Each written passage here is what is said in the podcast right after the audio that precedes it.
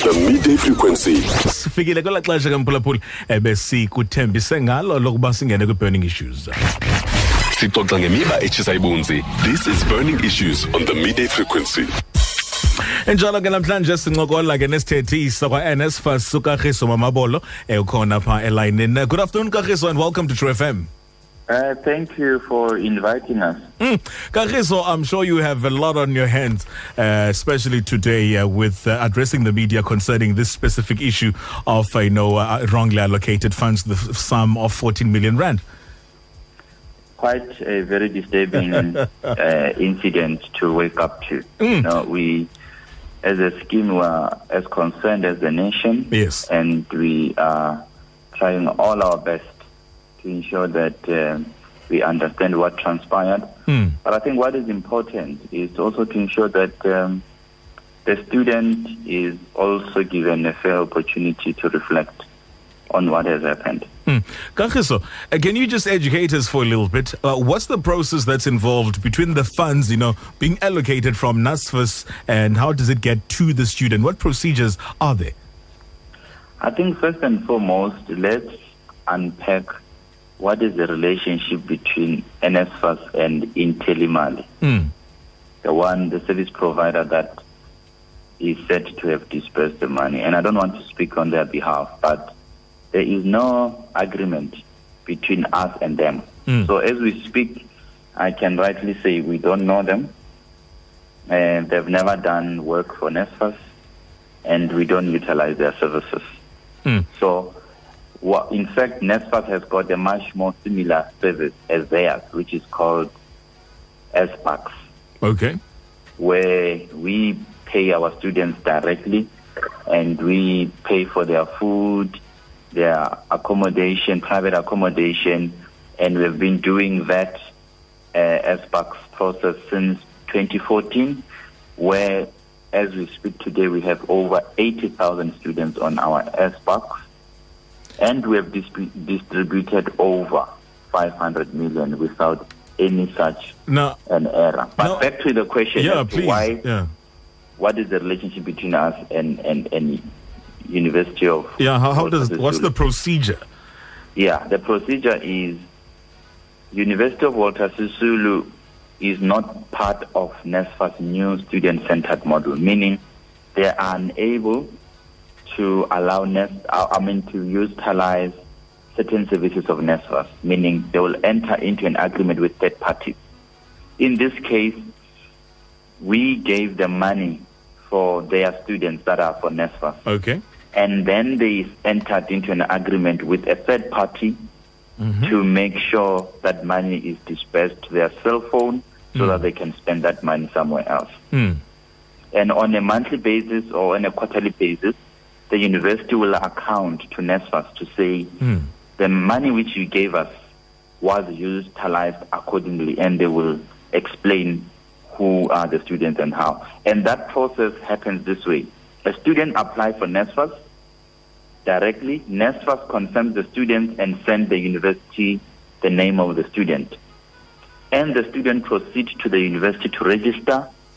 Once they register, university calculates the total cost of study and send that to NSFAS so that NSFAS can generate what we call the loan agreement form. The loan agreement form is issued by NSFAS with the total amount that NSFAS will pay for your studies. Hmm. And the student will sign.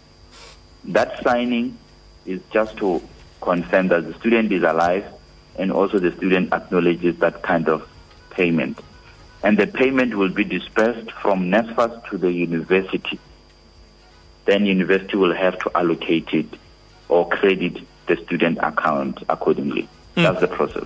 Now, Kagiso, uh, you, you just said that, you know, you on a monthly basis, you know, Walter Sisulu University reports to NSFAS on how the money was dispersed. Uh, why was this 14 million rand error not picked up? Yeah, I mean, let's use this as an example.